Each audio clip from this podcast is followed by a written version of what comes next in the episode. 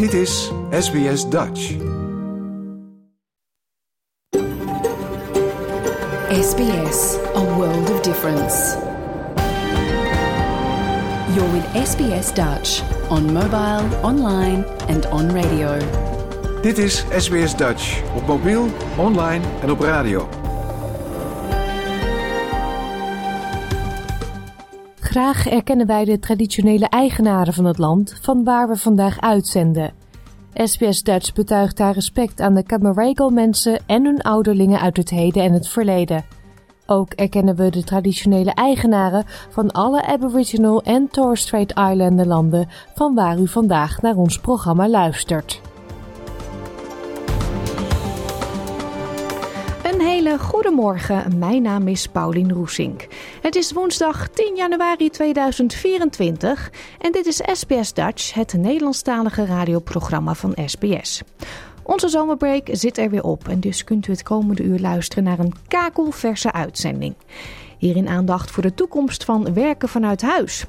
Tijdens de COVID-pandemie werd dit massaal gedaan, maar meer en meer bedrijven proberen hun werknemers te dwingen steeds vaker weer naar kantoor te komen. Is dit reëel?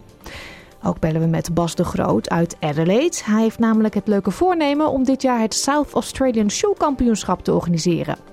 We praten met Nicole Holte van Foodblog The Dutch Table over stroopkoeken en slagroomwafels.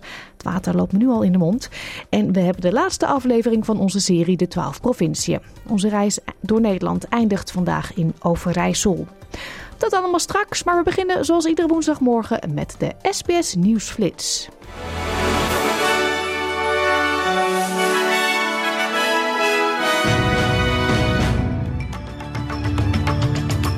Dit is de SBS Nieuwsflits van woensdag 10 januari. Mijn naam is Paulien Roesink. In Victoria worden nog steeds dorpen bedreigd door overstromingen en de verwachting is dat binnen de komende 24 uur nog meer huizen onder water komen te staan. De noodwaarschuwingen zijn afgezwakt, maar het is nog steeds niet veilig voor bewoners om terug te keren naar Seymour in het noorden van Melbourne. Hier zijn tenminste 20 huizen overstroomd. Ook in het zuidoosten van Queensland is er kans op overstromingen. Het Bureau of Meteorology heeft een gematigde overstromingswaarschuwing afgegeven voor de Peru River in het zuidwesten van de staat en ook voor de Barco, Bulu en Dawson rivieren. Voormalig minister van Arbeid Craig Emerson gaat leiding geven aan een nationaal onderzoek naar de Australische supermarktsector. In het onderzoek wordt de relatie onderzocht die supermarkten hebben met leveranciers en wordt er gekeken naar wat supermarkten aan leveranciers betalen en wat klanten moeten betalen voor hun boodschappen. Die kloof lijkt steeds groter te worden. De Amerikaanse minister van Buitenlandse Zaken Anthony Blinken dringt er bij de Israëlische leiders op aan om te voorkomen dat burgers het slachtoffer worden van de steeds heviger wordende conflicten in de Gazastrook. Blinken is voor de vierde keer op bezoek in het Midden-Oosten sinds de oorlog tussen Hamas en Israël op 7 oktober uitbrak. Frankrijk heeft een nieuwe premier. Gisteren is de 34-jarige Gabriel Attal benoemd tot de opvolger van Elisabeth Born, die maandag opstapte na politieke onrust over een nieuwe immigratiewet. Attal is de jongste Franse premier ooit en de eerste die openlijk homoseksueel is. Voormalig voetbalinternational Mark Overmars moet zijn functie bij Royal Antwerp FC neerleggen. De technische directeur werd onlangs in Nederland door de ISR, het Instituut Sportrechtspraak, voor twee jaar geschorst, waarvan één jaar voorwaardelijk omdat hij in zijn tijd als directeur voetbalzaken bij Ajax het reglement seksuele intimidatie heeft overtreden. De FIFA neemt die schorsing nu wereldwijd over. Tot zover deze nieuwsflits. Volg de SBS Dutch podcast voor meer nieuws en achtergronden of bezoek onze website www.sbs.com.au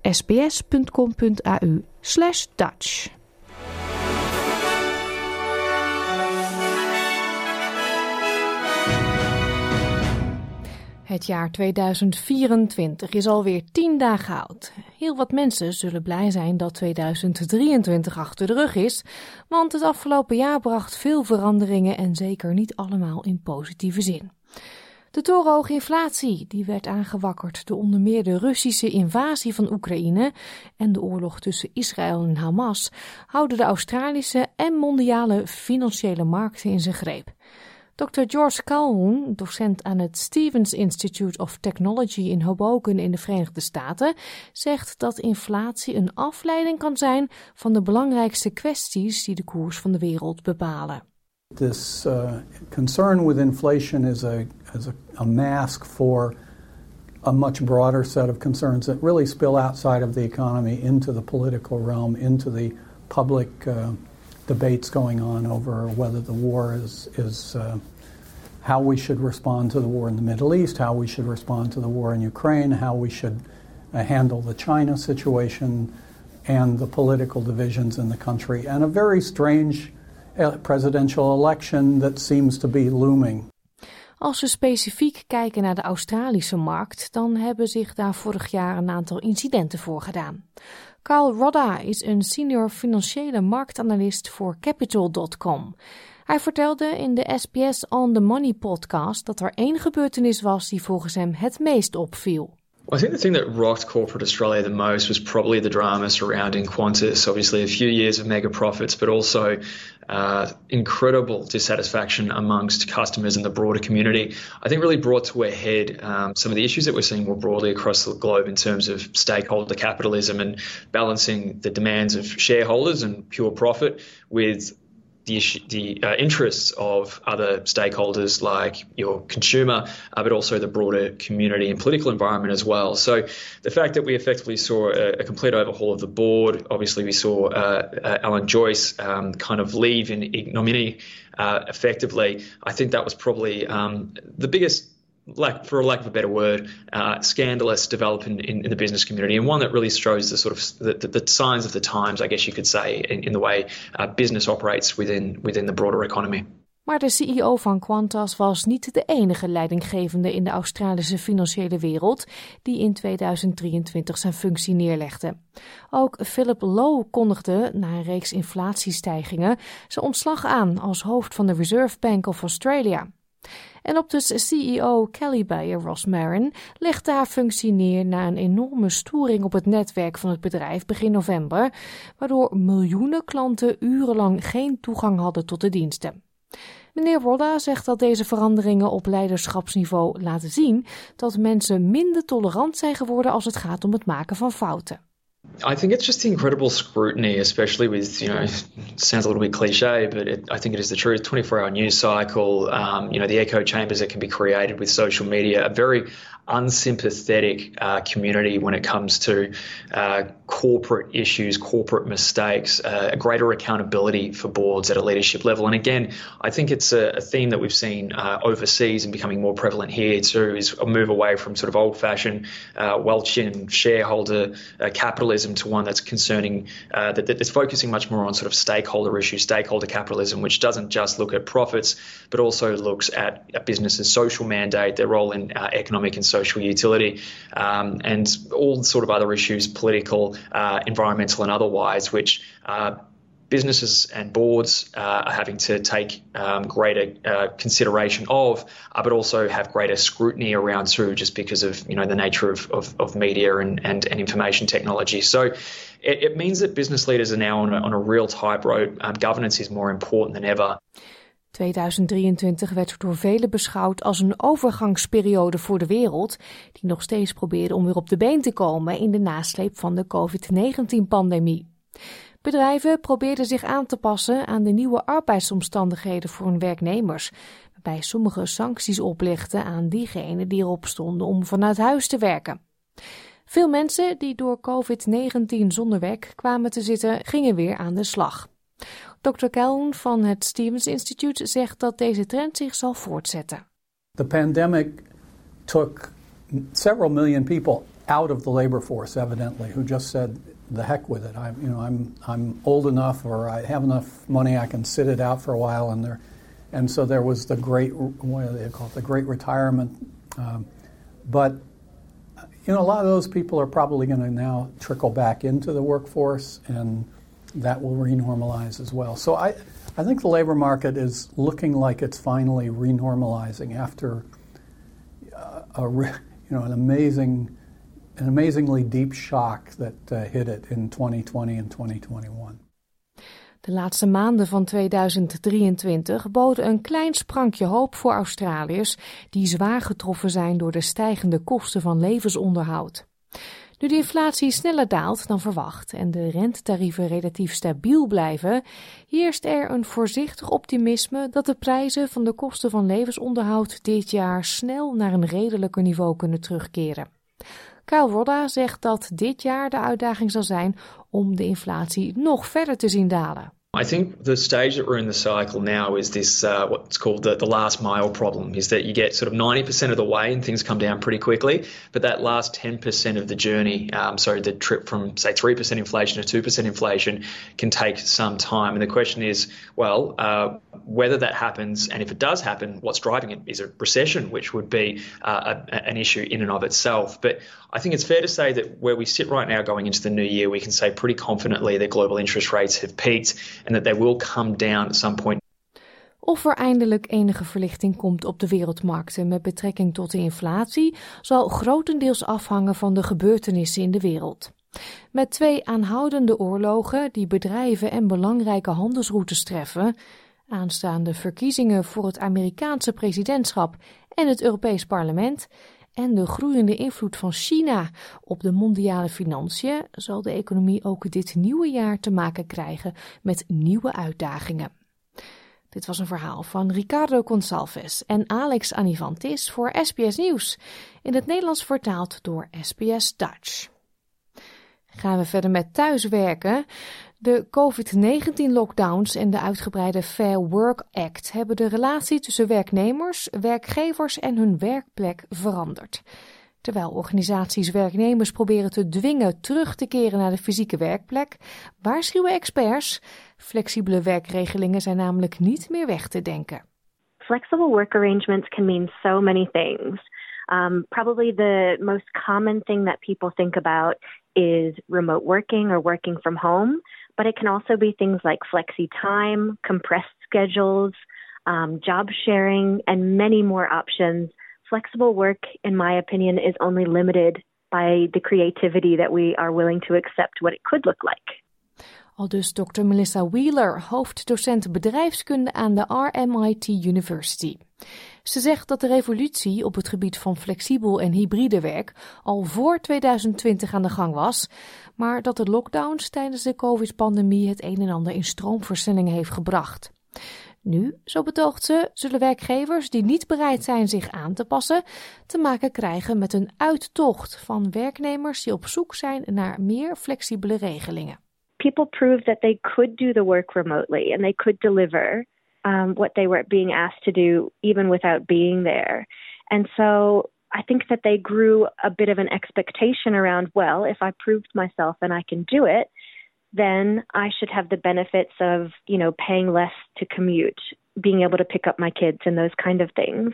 Melissa Wheeler zegt dat in Australië flexibiliteit het speelveld heeft geëgaliseerd voor mensen met uiteenlopende behoeften, waaronder verzorgers en mensen met een handicap, mensen in landelijke en regionale gemeenschappen en mensen met kinderen. John Hopkins, universitair hoofddocent management aan de Swinburne Universiteit, voegt daaraan toe dat flexibele werkregelingen ook gunstig zijn geweest voor werkgevers. I think for organizations, it may offer them an ability to widen the talent pool and uh, recruit um, employees from outside of the normal kind of catchment and commuter belt where they will be able to recruit from. Dr. Hopkins zegt dat de tijd van vijf dagen per week forensen tussen huis en werk achter ons ligt. Hij merkt ook op dat fulltime vanuit huis werken slechts haalbaar is voor zo'n 30% van de beroepsbevolking. Maar hij zegt ook dat een reeks aanpassingen het werk hebben veranderd voor de overige 70% van de mensen, die vaker aanwezig moeten zijn op de werkvloer. Zoals bijvoorbeeld een vierdaagse werkweek. One of the, the real strengths and advantages of the four-day week is it's a flexible work arrangement which can be adopted by work by frontline workers. So it isn't just for um, those who have flexible work arrangements already, if you like. So not for those knowledge workers, those desk-bound jobs, but the four-day week can be applied in many other environments as well. So uh, the likes of Bunnings and IKEA, for instance, they're, they're piloting it at the moment. Michelle O'Neill is voorzitter van de Australische Raad van Vakbonden, de ACTU. Ze zegt dat de vakbonden al lang voor de pandemie vochten voor meer flexibiliteit op de werkplek. Mevrouw O'Neill noemt de wijzigingen in de Fair Work Act, die in juni 2023 van kracht werden, een overwinning voor werknemers die op zoek zijn naar flexibele regelingen. In the past, they only had the right to request it. Now they've got, they've got a right to request flexible work, but the employer has an obligation. So the employer has an obligation to either provide those arrangements or give reasons why it's not reasonable for their business to do flexible work arrangements for that worker. And the workers can take that uh, to the Fair Work Commission if they're denied flexible work arrangements that are reasonable. Jessica Tinsley is directeur werkplekrelaties bij de Australische Kamer van Koophandel en Industrie. Ze is bezorgd dat de uitgebreide wetgeving leidt tot procedures van de Fair Work Commission die duur en intimiderend zijn voor de werkgevers. From our perspective, the, the, the key issue is a one size fits all. So we really need to, to move away from a one size fits all where employees, and we're seeing this increasingly, employees pushing for a, a universal right to work from home. And we're seeing these more and more in enterprise agreements, for instance. I think we need to be avoiding that.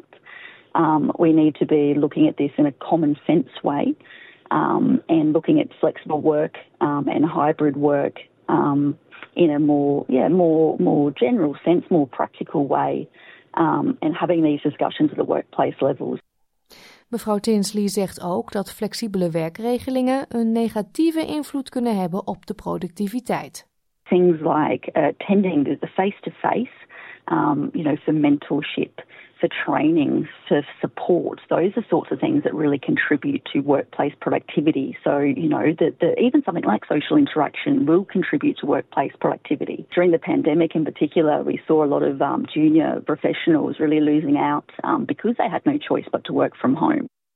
Maar mevrouw Niel zegt dat de wetgeving, hoewel deze meer bescherming biedt, mensen er niet van weerhoudt om naar kantoor te gaan. It's not just employers that see the value of connecting with the co-workers and being able to collaborate and being able to see people and socialize with people and bounce ideas off people. So that's something that workers think about and uh, and want to do as well. So it's not always a source of conflict. More, it's an issue about how to negotiate this in a way that's fair.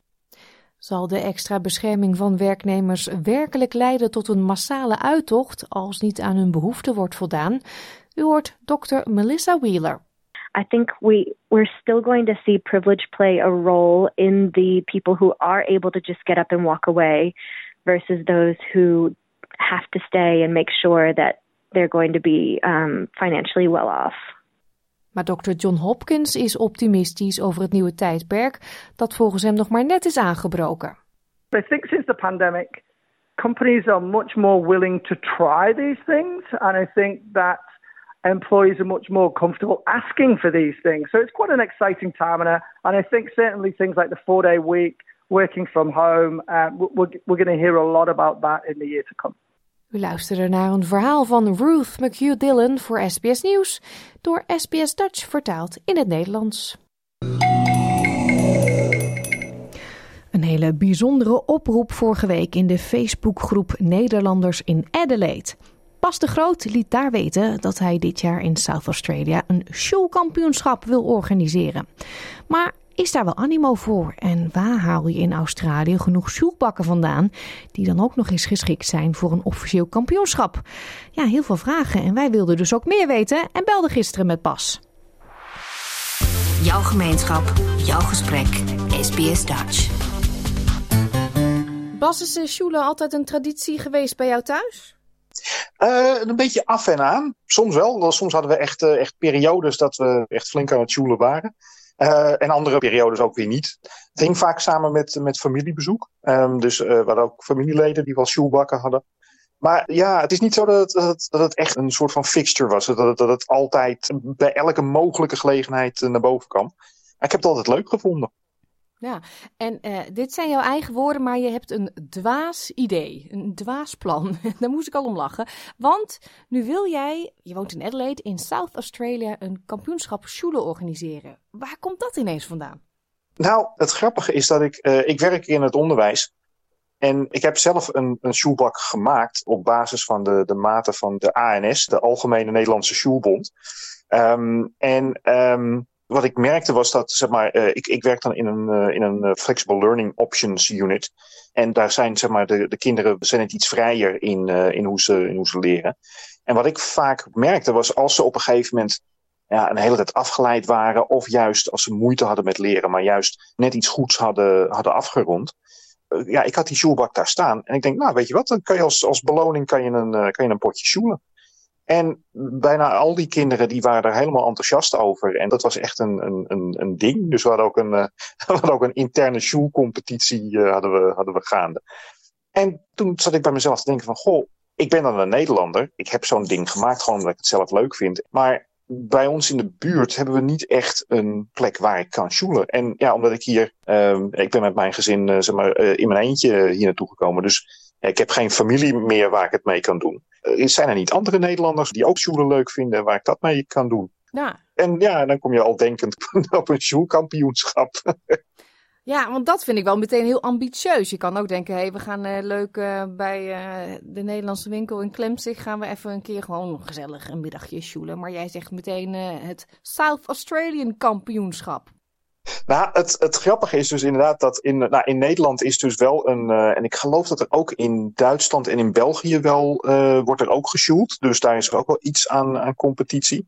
Maar ja, daarbuiten is het eigenlijk, wordt het vrijwel niet gedaan. Um, en het is eigenlijk een beetje zoals met het Nederlandse korfbal. Of misschien met, in Australië kan je het een beetje vergelijken met netball. Um, het wordt wel in andere landen gedaan, maar de landen die er ooit mee begonnen zijn, die zijn er eigenlijk altijd kampioen in. Ja. Dus, uh, dus ik had zoiets van, nou, als we nou aan de andere kant van de wereld ook eens gaan sjoelen, misschien dat we dan, uh, dat we dan nog eens een keer uh, competitie kunnen leveren. En dan kan er een, een Australisch team naar Nederland om mee te doen met, met de competitie of met kampioenschappen. Ja, mooie dromen. maar daar heb je wel shoebakken voor nodig.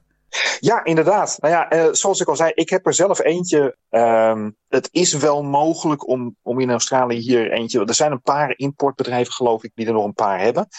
Maar ik hoorde via via ook al dat die eigenlijk ook er al mee gestopt zijn, of, of ze niet meer importeren. Um, dus op dit moment ja, heb ik geen idee waar ik andere shoebakken vandaan zou kunnen halen om zo'n kampioenschap uh, te regelen. Nee, want ik kan me voorstellen dat die ook aan bepaalde reglementen moeten voldoen. Uh, ja, klopt. Kijk, uh, als de enige andere shoebakken die ik kan vinden niet helemaal aan de regels voldoen, dan vind ik dat ook zelf ook prima. dan uh, maken we er een onofficieel kampioenschap van. Maar nee, de ANS, dus de Algemene Nederlandse Shoebond, die heeft op hun website de spelreglementen en, en dus ook de, de afmetingen van de stenen en van de shoebakken staan. Dus ja, als, die, als enige shoebakken die, die beschikbaar komen daaraan voldoen, dan, dan kunnen we het een, een officieel kampioenschap noemen. Hmm, heb je al contact gezocht met de bond? Nog niet. Nee, dat ga, wil ik wel op zeer korte termijn gaan doen. Uh, om te kijken of we het, uh, of we het officieel kunnen krijgen. Hmm. Ik ga eerst eens eventjes kijken of er überhaupt een beetje, een beetje animo voor is natuurlijk. Want ja, ik, anders kan ik wel in mijn eentje gaan lopen roepen. Maar als er niemand meedoet, dan, uh, dan heeft het niet veel zin. Ja, want je deed dus een oproep op Facebook, dat zei je net al, Nederlanders in Adelaide. Hoe waren de reacties? Tot nu toe goed. Ik denk dat ik al een, een stuk of zes, zeven aanmeldingen heb. Van mensen die mee willen doen. En ik heb volgens mij tot nu toe al twee aanbiedingen van, van Sjoelbakken binnen. Dus ja, we kijken of we het nog groter kunnen krijgen. Maar we, het begin is er. Het klinkt veelbelovend en ik hoop dat dit opgepikt wordt door de gemeenschap in en rond Adelaide. Alle informatie en uh, contact met Bas kan via onze website van SBS Dutch, www.sbs.com.au Dutch. Dan brengen we jullie met elkaar in contact. En hou me op de hoogte of dit gaat lukken, want dan kom ik even langs. Dan ben ik aanwezig natuurlijk bij dat toernooi. Lijkt me leuk. Absoluut, doen we zeker. Ja, ik hoop inderdaad dat het hem lukt. Uh, contact met Bas kan dus via onze website, dat zei ik net al, of via onze Facebookpagina facebook.com slash sbsdutch. Het is hoogste tijd voor wat muziek en daarvoor gaan we even ver terug in de tijd. Want op 9 januari 1968 kregen Johnny Kraaikamp en Rijk de Gooier uit handen van Radio Veronica discjockey Joost en Draaier een gouden plaat voor De Bostella. Misschien kent u het liedje nog wel. Deze single stond in december 1967 twee weken lang op de eerste plaats in de Nederlandse top 40. En we draaien hem nu voor u hier bij SBS Dutch. De Bostella van Johnny Kraaikamp en Rijk de Gooier. Afgelopen vijf en halve week heeft u met ons een reis gemaakt door de twaalf provinciën van Nederland. Een reis waarin we iets leren over de geschiedenis van iedere provincie en we herinneringen ophaalden met de Nederlanders in Australië. En helaas, helaas, onze trip zit er bijna op, want vandaag komen we aan op onze eindbestemming, Overijssel. Dit is SBS Radio Dutch. Overijssel ligt in het noordelijke deel van Nederland en heeft ruim 1,1 miljoen inwoners. Zwolle is dan wel de hoofdstad. Het is niet de grootste stad van de provincie. Dat is Enschede. De provincie is verdeeld in drie landstreken, namelijk de Kop van Overijssel, Salland en Twente. Elke streek heeft zijn eigen landschap. In de Kop van Overijssel tref je veel water aan in de vorm van meren. Salland heeft heuvels met veel weilanden en in Twente zie je veel bossen. Vanwege de grote hoeveelheid natuur heeft Overijssel ook wel de bijnaam Tuin van Nederland.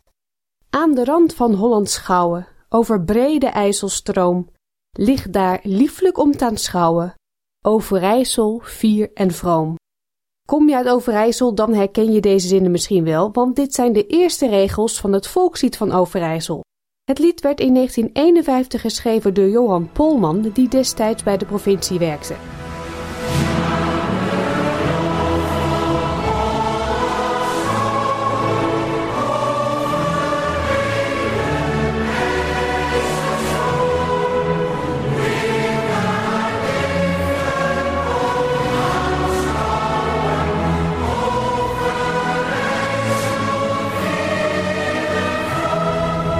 Naast het Overijssels volkslied bestaat er trouwens ook een Twents en Sallands volkslied. De vlag van Overijssel heeft vijf smalle horizontale balken: rood, geel, blauw, geel, rood. De middelste balk is een golvende blauwe balk, wat symbool staat voor de IJssel, de rivier waar de provincie naar is vernoemd. De IJssel is een aftakking van de Rijn en is zo'n 2000 jaar geleden op een natuurlijke manier ontstaan. Al in de vroegste middeleeuwen groeide Deventer uit tot een handelscentrum dankzij zijn ligging aan de rivier. Later, in de tijd van de Hanze, tussen de jaren 1250 en 1450, was de IJssel een belangrijke internationale handelsroute. De Overijsselse steden langs de IJssel, Deventer, Hattem, Zwolle en Kampen waren dan ook bij de Hanze aangesloten. In Overijssel kan je heerlijk eten. Een van de bekendste restaurants in de provincie is De Liberijen van Jonny en Therese Boer.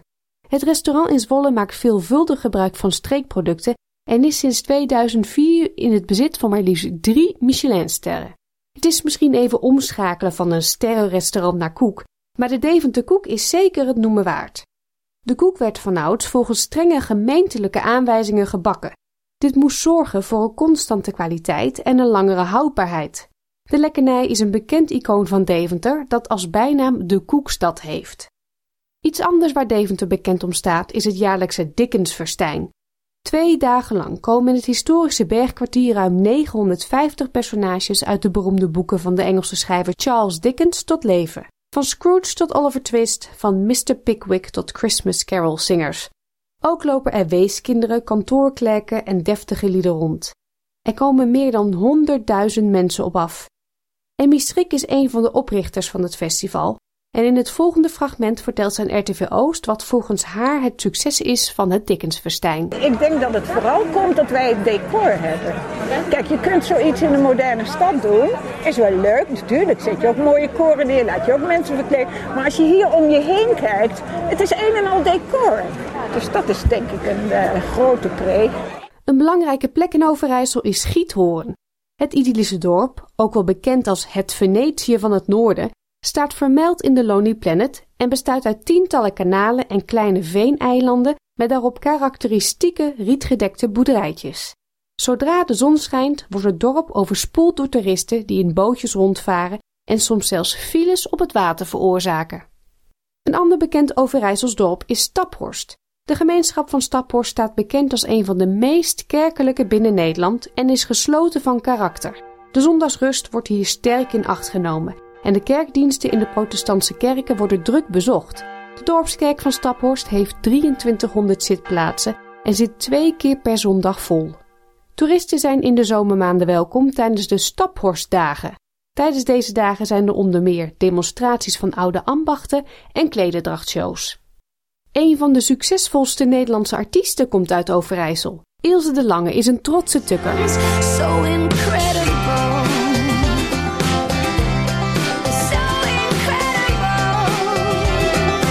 De countryzangeres staat al jaren aan de top en is sinds enkele jaren achter de schermen nauw betrokken bij het Eurovisie Songfestival.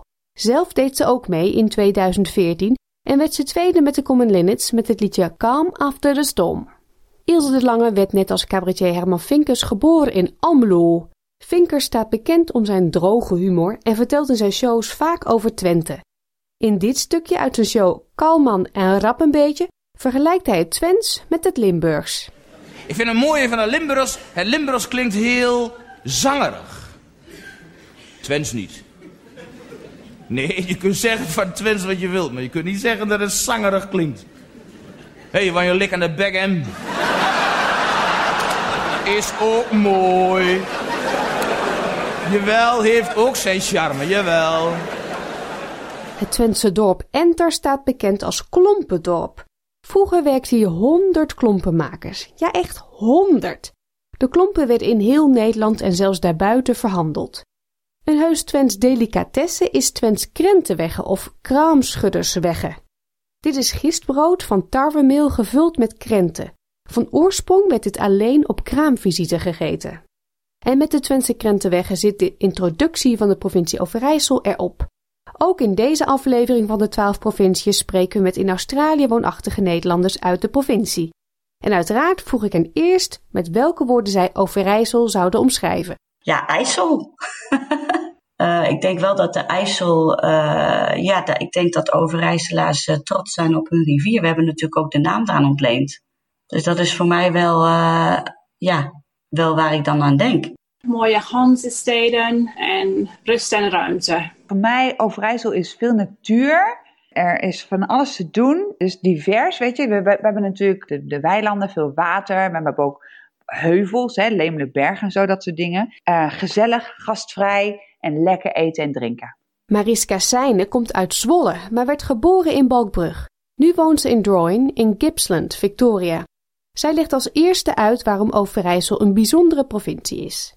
En eh, ik weet wel dat we dit, veel van het landschap ook wel ergens anders kunnen vinden. En Limburg heeft natuurlijk ook heuvels. Maar um, wij, alleen, wij zijn de enige met giethoorn. Wij hebben water waar we ook echt, zeg maar, ja, don't know. Niemand heeft giethoorn. Weet je, we hebben het Venetië van, van, uh, van Nederland, zeg maar. Nou, je hebt eigenlijk alles. Je hebt bossen, water en je hebt ook wat, wat heuvels, Stallandse heuvelrug, et cetera rondom Ommen ook nog een beetje. En helemaal in, uh, in Twente begint het natuurlijk ook alweer een beetje te glooien richting Duitsland. Um, en, en dat mooie, ja, dat coulissenlandschap van uh, afwisseling van boerderijen, uh, groen. Ja, dat vind ik toch wel echt Overijssel. En wat ik ook wel mooi vind aan Overijssel is dat het. De steden in Overijssel die liggen aan de rand. Dus die liggen altijd aan de grens. Alsof ze een soort van Overijssel bewaken. Dus als je Overijssel binnenkomt, hè, dan heb je Deventer, Zwolle, Enschede. En dat is een soort van driehoek waarbinnen dan de provincie ligt. Dus alsof zij een soort van, oké, okay, jij komt ergens anders vandaan. Dan ga je nu eerst door de stad en dan mag je naar binnen. ja, want als je kijkt naar Deventer ligt natuurlijk, hè, grenst aan uh, Gelderland. Zwolle natuurlijk hetzelfde. Kampen dan, ja, als je Kampen ook nog even meetelt, natuurlijk ook nog uh, aan, aan het water, aan het IJsselmeer. En natuurlijk Enschede aan de grens. Dus het zijn echte grenssteden. Ik, kijk, ik ken natuurlijk niet uh, hoe het voelt om te wonen in andere provincies. Maar ik vind Overijssel wel echt heel mooi ertussen zitten. Want ik denk dat het heel erg, uh, als je kijkt ook naar de universiteit in Enschede en de ontwikkelingen daar. Dus ze hebben wel zijn wel degelijk bezig met het ontwikkelen en het vooruitgaan en het blik op vooruit. Maar dat doen ze natuurlijk heel mooi vanuit een positie tussen de Randstad in Nederland in, maar ook Duitsland. En dat vind ik wel misschien iets van Overijssel. Dus het best wel flink aan de weg timmert en, en heel erg bezig is met, uh, met, met, met handel. En dat natuurlijk ook al vanuit de oorsprong. En volgens mij is dat nog steeds wel zo. Dus dat geeft, vind ik, wel een bepaalde dynamiek. Dat, uh, dat je zeker niet van Overijssel kunt zeggen dat het echt platteland is en daardoor misschien wat dicht, hè, wat, potdicht zit en niet zo naar buiten kijkt. Dat vind ik in Overijssel zeker niet het geval en zeker niet het gevoel. Een echte mooie traditie waar ik vandaan kom uit Salland, net op de grens met Twente, is rond de kerstperiode is de winterhoornblazers. Um, dat zijn denk wel een eeuwenoude traditie in Salland en Twente en misschien nog wat meer gebieden. Wordt geblazen tussen de eerste adventszondag in december en dan tot drie koningen in januari. En ik ben opgegroeid in een bos in Halen, gemeente Hellendoorn. En daar wordt dit elk jaar nog gedaan door een lokale groep. En het doel is van het blazen is dat ze donker verdrijven. Dus zeg maar rond midwinter. En het licht oproepen. De blazers die staan op afstandje van elkaar en wisselen elkaar af om zo de boodschap door te geven. Dat vind ik echt wel een mooie traditie. Dat was Marije Veerbeek over de midwinterhoornblazers. Ze is tegenwoordig woonachtig in Manly op de Sydney Northern Beaches, maar groeide op in Haarlem, in de gemeente Hellendoorn. Is ze trots op Overijssel? Ja, ik ben zeker trots op Overijssel. Um, ook al woon ik hier niet meer in Overijssel sinds ongeveer 2006, denk ik. Ik ga toch bijna elk jaar heen op vakantie om mijn familie te op te zoeken. En ik geniet altijd van de mooie natuur, de ruimte en gezellige steden, zoals Deventer, waar mijn ouders nu wonen. En waar ik ook altijd heel erg van geniet, zijn alle fietsroutes langs de IJssel en door de bossen niet zo trots als een Fries misschien op Friesland is of zo. Maar ik ben zeker wel, ik ben altijd wel trots als ik zeg dat ik uit Overijssel kom. Ik, ik probeer sowieso één keer per jaar terug te gaan. Hè, en ik, ga, ik ga graag naar huis om mijn vrienden en mijn familie te bezoeken natuurlijk. Ik zal nooit, als iemand aan mij vraagt waar kom je vandaan, zeggen oh, uit Amsterdam, dat dat makkelijker is. Ik zeg altijd Zwolle. Ik vind dat Overijssel het heel goed doet. Dat ze, vind ik, uh, aan de weg timmeren. Dat het een hele mooie balans is tussen de stedelijke drukte en, en de tempo daar. Maar dat ze niet acht blijven, omdat ze dat volgens... Ze weten te verbinden. Volgens mij weet Overijssel heel goed te verbinden tussen uh, de rest van Europa, en met name natuurlijk Duitsland, en, uh, en de Nederlandse bedrijvigheid in het Westen. Overijssel is een verbindende provincie, al dus Henriette Draaien. Van oorsprong komt ze uit Deventer, maar ze woont al 14 jaar in Brisbane in Queensland. Wat vinden de dames van de echte Overijsselaar? Bestaat die eigenlijk wel? Ja, ik heb er eens over nagedacht. Um, ik vind de mensen altijd wel nuchter. Gewoon, gewoon lekker normaal. En um, wat ook een mooi typisch begrip is, denk ik, is het naberschap. Waar je klaar staat voor de anderen in je omgeving. En waar je altijd een beroep kunt doen op je, op je buren en je omgeving. Wel, weet je, als je op de A28 rijdt en je rijdt voorbij Hattemenbroek of Hattem, hè, en je rijdt op de A28 je gaat de IJsselbrug over, dat er dan een glimlach op je mond komt, je, op je gezicht komt. Zo. En denk, als je dat hebt, als je die connectie hebt met, Overijs, met de IJssel en, en, en, en, en de provincie en thuiskomen, dat maakt je een echt Overijssel, denk ik. Maar ik denk dat Overijssel dan ook wel weer heel erg streekgebonden is. Kijk, in die zin is Twente denk ik wel echt een eenheid als, je, als je tukker bent, ja, dan kom je echt daar vandaan. Dat kom ik zelf niet. Ik kom zelf uit Salland. Misschien hebben die ook nog wel, althans iets minder sterk, ook nog wel een beetje een, dat gezamenlijke gevoel van wij zijn Sallanders. En dan heb je het meer het noorden, waar dat, die dan ook wel weer misschien wat regionaal georiënteerd zijn. Maar ja, ik heb dat zelf nooit zo gevoeld. Maar nu ik erover nadenk, heb ik bijvoorbeeld niet zoveel met Twente. Dus ik weet niet of er dan echt één Overijsselaar bestaat. Ik vind het ook een woord wat, ja, wat ik eigenlijk ook niet zo ken. Weet je, volgens mij wordt dat niet gebruikt. Zoals een Limburger, weet je wel, of een Fries. Nee, heb je geen Overijsselaar. Ik denk dat het wat regionaler georiënteerd is in die zin. Uiteraard gaan we ook met Marije, Henriette en Mariska terug naar vroeger. Naar het opgroeien in hun Overijssel. Ze delen leuke herinneringen aan die tijd. Mijn vader die is boswachter en woonde in het midden van een bos in Halen, gemeente Hellendoorn, op de Sallandse Heuvelrug. Redelijk uniek dus. Um, we konden weer schaatsen op natuurijs in de winter in het bos zelf en ook net buiten het dorp Halen. En voor mijn kinderfeestjes, daar deed mijn vader vaak een dropping. Mijn verjaardag is in februari, dus in het midden van de winter. Dan kwamen de meiden bij mij thuis. En dan werden we in de auto gezet met een blinddoek En dan werden we gewoon ergens in het midden van het bos gedropt. En moesten we zelf de weg terugvinden naar ons huis. Dat was zonder mobieltjes. Dus altijd wel een heel avontuur voor ons. En ik vind Giethoorn zelf echt een heel leuk dorp en die omgeving. Daar gingen we vroeger wel eens op vakantie. En ook nu als ik terugkom naar Nederland, bezoek ik Giethoorn graag. Het is tegenwoordig wel redelijk druk. Ehm, maar toch altijd de moeite waard om daar rond te lopen en te varen en te fietsen. Spelen in de Sahara, dat, is de, dat zijn de zandverstuivingen bij Ommen. Daar stonden wij dan op de camping, camping de Beerse Bulten. En daar heb je een hele grote zandverstuiving. Nou ja, dat, ik waande me daar altijd in Afrika. Daar heb ik wel goede herinneringen aan. En eigenlijk ook wel aan de tent opzetten. Vooral als we een nieuwe tent weer hadden. De tent opzetten op de dagcamping op de Holteberg. Ja, dat zijn wel dingen die uh, mij echt bijblijven als ik terugdenk aan mijn jeugd. De, de, dingen die bij mij blijven hangen zijn het buiten op straat spelen. Dat vond ik altijd hartstikke leuk. Maar ik denk als ik dan iets heb wat ik dan echt leuk zou vinden, is in de winter. Als er, wij konden altijd schaatsen. En vrij snel ook, weet je. Ik had altijd het idee dat we lekker konden schaatsen op de, op de sloten, maar ook op de, op de grotere, um, grotere plassen. En met die Lemelenberg en kleine heuveltjes die we hadden, gewoon de afsleeën, weet je. Dus dan een hele rij mensen met sleetjes en dan gewoon naar beneden. Dat vond ik altijd super, super tof. En weet je wat wij ook hebben in, in Overijssel natuurlijk? Zijn die pretparken, hè? Toen ik jong was, weet je, we gingen naar Hellendoorn. En ik woonde in Bobrug vlakbij Slagharen. En het attractie Ponypark heette dat toen nog. Weet je, attractiepark Slagharen. Herman Vinkers, zijn naam kwam aan het begin van deze aflevering al even voorbij, schreef een ode aan zijn geliefde stad Almelo. Hij zingt de Almelo-ballade samen met presentatrice Daphne Bunskoek. En met dit lied sluiten we deze aflevering van de 12 provinciën over Overijssel af. Almelo mi meken, Almelo mi mo. Ik ben hier geboren en ik bemin je zo. In Twente ligt ze bij de waterregge door hem toe.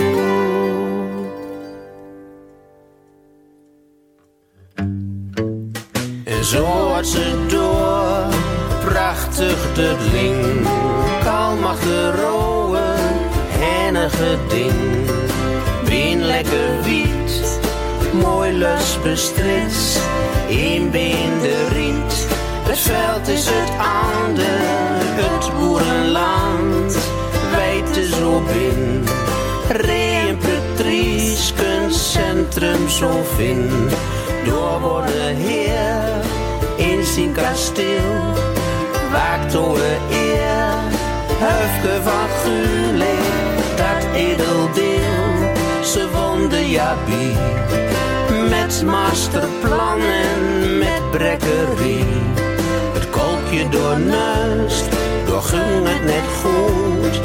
Trouw weer in Gulik, door vuur ik nu huwelijk. Grote stroot. Genstad heeft zonnen, langruggen groot. Zal door hem ben, dat Almelo. Weinig het hem, van Hulen en van Kwaken. Tokoes heeft drok, en bottenvat en ook. De stampuntje rood, mooi nul op de dood. Van ach en wat zak, want Almelo raad. Hoed er gemak, eier is mooi neus.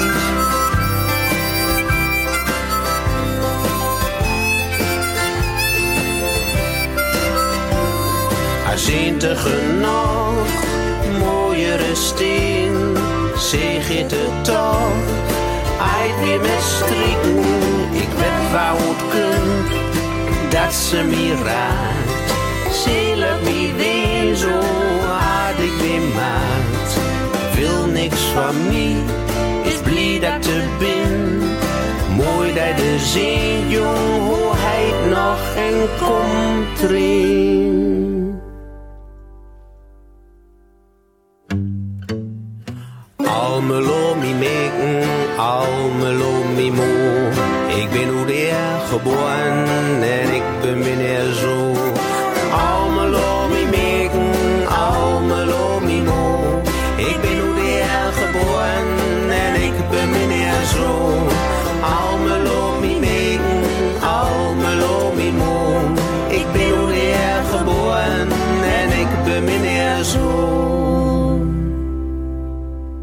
Meer afleveringen van de 12 provinciën beluister je op onze website www.sbs.com.au Dutch of in je favoriete podcast-app. Ook dit jaar wil SBS Dutch de traditionele Nederlandse keuken en eetgewoontes in ere houden. En dat doen we wederom met Nicole Holte van Foodblog The Dutch Table. Vandaag praten we over misschien wel het meest bekende koekje van Nederland, de stroopwafel. En deelt Nicole haar recept voor heerlijke, knapperige stroopkoeken. Ook vertelt ze over een van haar andere favorieten, de slagroomwafel. SBS Dutch, woensdag en zaterdag om 11 uur ochtends of online op elk gewenst tijdstip.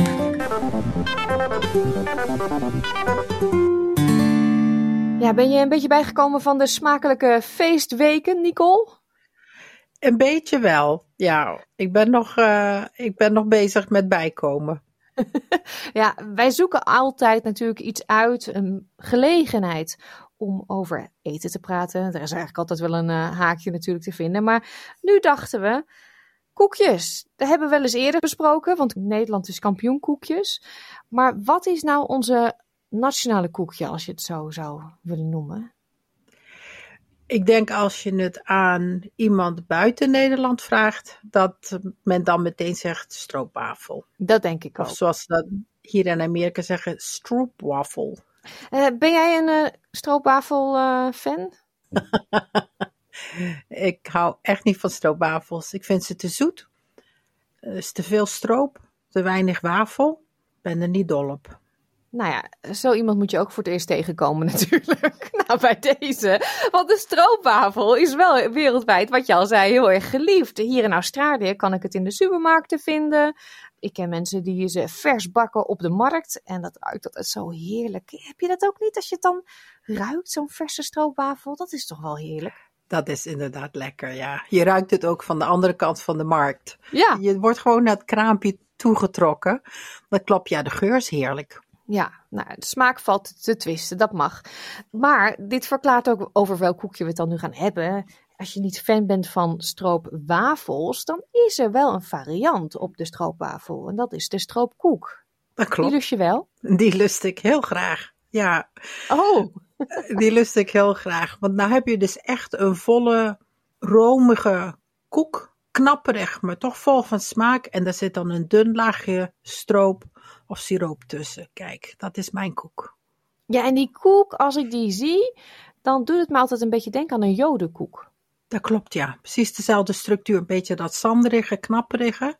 Ja, nou stel je dus voor dat je in plaats van één jodenkoek nou twee jodenkoeken hebt en een laagje karamel ertussen. Ja, ik zie het aan jouw ogen. Yummy. Mijn ogen glinsteren. Ja, het heerlijk. doet je denken aan de stroopwafel, maar het is denk ik wat gemakkelijker zelf te maken. Want voor zo'n wafelbakker daar heb je toch een heel apparaat voor nodig. Je hebt er inderdaad een, een apparaat voor nodig, een goed wafelijzer voor nodig. En daarbij komt, omdat het nu bijna overal zo makkelijk te verkrijgen is, is het natuurlijk leuker om iets thuis te pakken wat je wel kan doen. Dus stroopkoek inderdaad. Het is een roldeeg. Je snijdt je, je rondjes uit en je bakt ze gewoon in de oven. Mm -hmm, ja.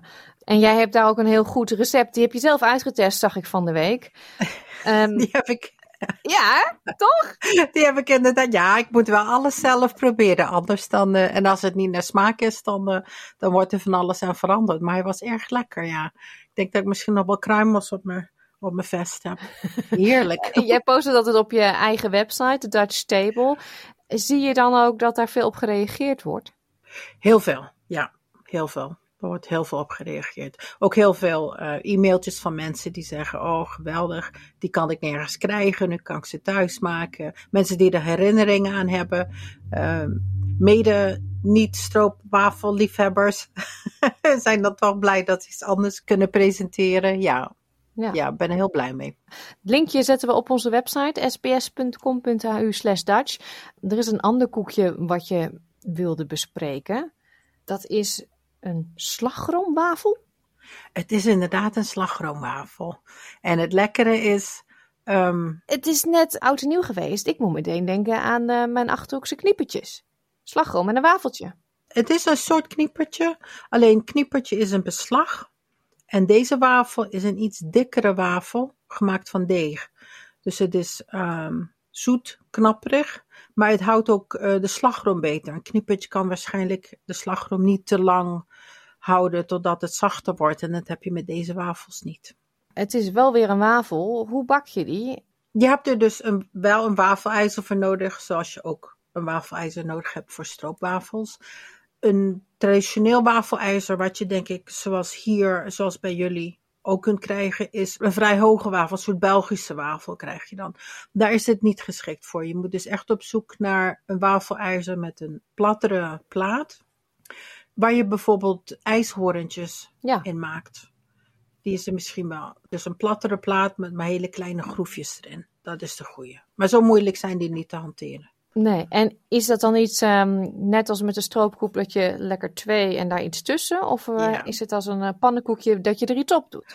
Nee, je neemt twee wafels, dus weer, kijk, niet één wafel, maar twee wafels. Altijd beter. En daar doe je dus verse slagroom tussen. Dan kun je je wel voorstellen dat dat echt heel knoeierig eten is. Dus het beste is... Eén keer bijten en als, een, eh, als een tompoes, zeg maar. Dan woep, dat aan alle kanten eruit Inderdaad, komt. net als een tompoes of een bossenbol. Ik weet niet wat wij hebben met knoeigebakjes. Maar op de een of andere manier zijn we er dol op. Uh, dus voor de slagroomwafel, wafeltje onderop. Lekker dik verse slagroom. Je kunt de vruchtjes bij doen, als je dat wil. Je kunt ook de slagroom een beetje meer smaak geven met wat vanille. En dan andere wafeltje erbovenop, beetje poedersuiker. En als je ze niet meteen gaat eten, maak ze gewoon klaar, vries ze in. Want dan heb je de volgende dag dus een lekkere, koele tractatie. Ja, is het iets wat jij eh, gewoon lekker eet als tussendoortje om uh, jezelf te verwennen? Of is het ook wel een toetje? Het kan heel goed met een toetje, ja. Doe er dan een bolletje ijs op en spuit daaromheen de slagroom. Maar ik vind het lekkerst gewoon kopje thee tegen een uur vier smiddags. Slagroomwafeltje erbij. Heerlijk. Ja, het klinkt eh, heerlijk. En ook dit recept heb jij voor ons uitgewerkt. Het linkje uh, komt op onze eigen website. En dan uh, zeg ik, uh, bakken maar en lekker smullen. Dubbel smullen. Twee koekjes is beter dan één.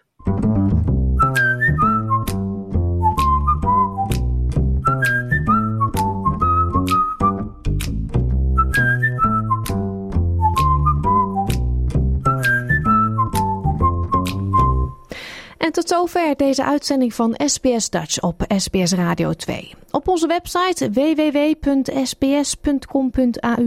Dutch kunt u deze aflevering en al onze andere gesprekken en podcastseries nog een keer beluisteren. En u vindt hier dus ook de recepten van Nicole. Terugluisteren kan ook via de SBS Audio app. Deze is gratis te downloaden in de Apple Store en Google Play. En SBS Dutch is ook present op Facebook. www.facebook.com slash sbsdutch. Geef ons een like, praat mee en mis niets. We eindigen vandaag met muziek van Meteor en Hannah May. Het liedje heet Wat wil je van mij? Ik wens u een hele fijne middag en heel graag tot zaterdag. Dag! Het zou fijn zijn. Like, deel, geef je reactie. Volg SBS Dutch op Facebook.